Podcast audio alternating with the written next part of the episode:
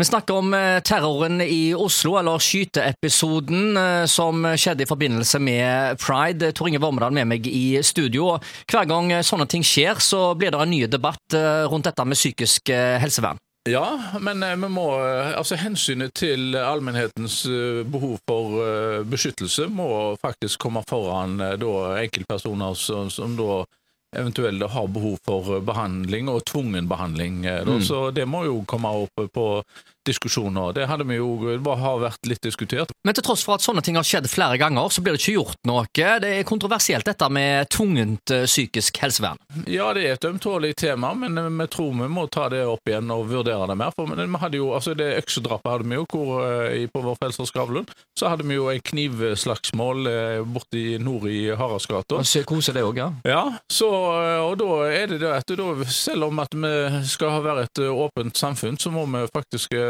i større grad ta hensyn til allmennheten enn da enkeltpersoner som da har store psykiske problemer og må ha tvungen behandling i enkelte tilfeller. Men så er jo spørsmålet der, hvordan skal en innrette dette? Altså, men selv om en skjerper inn lovgivningen, skal en da ha eh, utvida myndigheter for sikkerhetspolitiet? Hvordan skal en omorganisere politiet? Altså, De har jo en million oppgaver fra før av. Så hvordan skal vi praktisk innrette oss i samfunnet for å komme dette problemet til livs?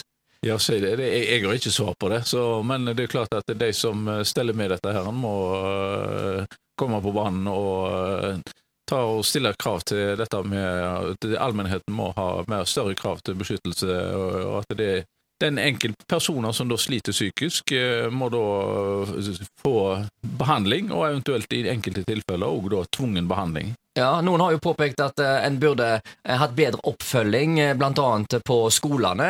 Ja, Når en skal begynne å behandle det, det er vanskelig å si. altså Jeg er ikke ekspert på det, men det overlater jeg til de som har mer peiling på det. Ja, Takk for besøket der, Tor Inge Vormedal.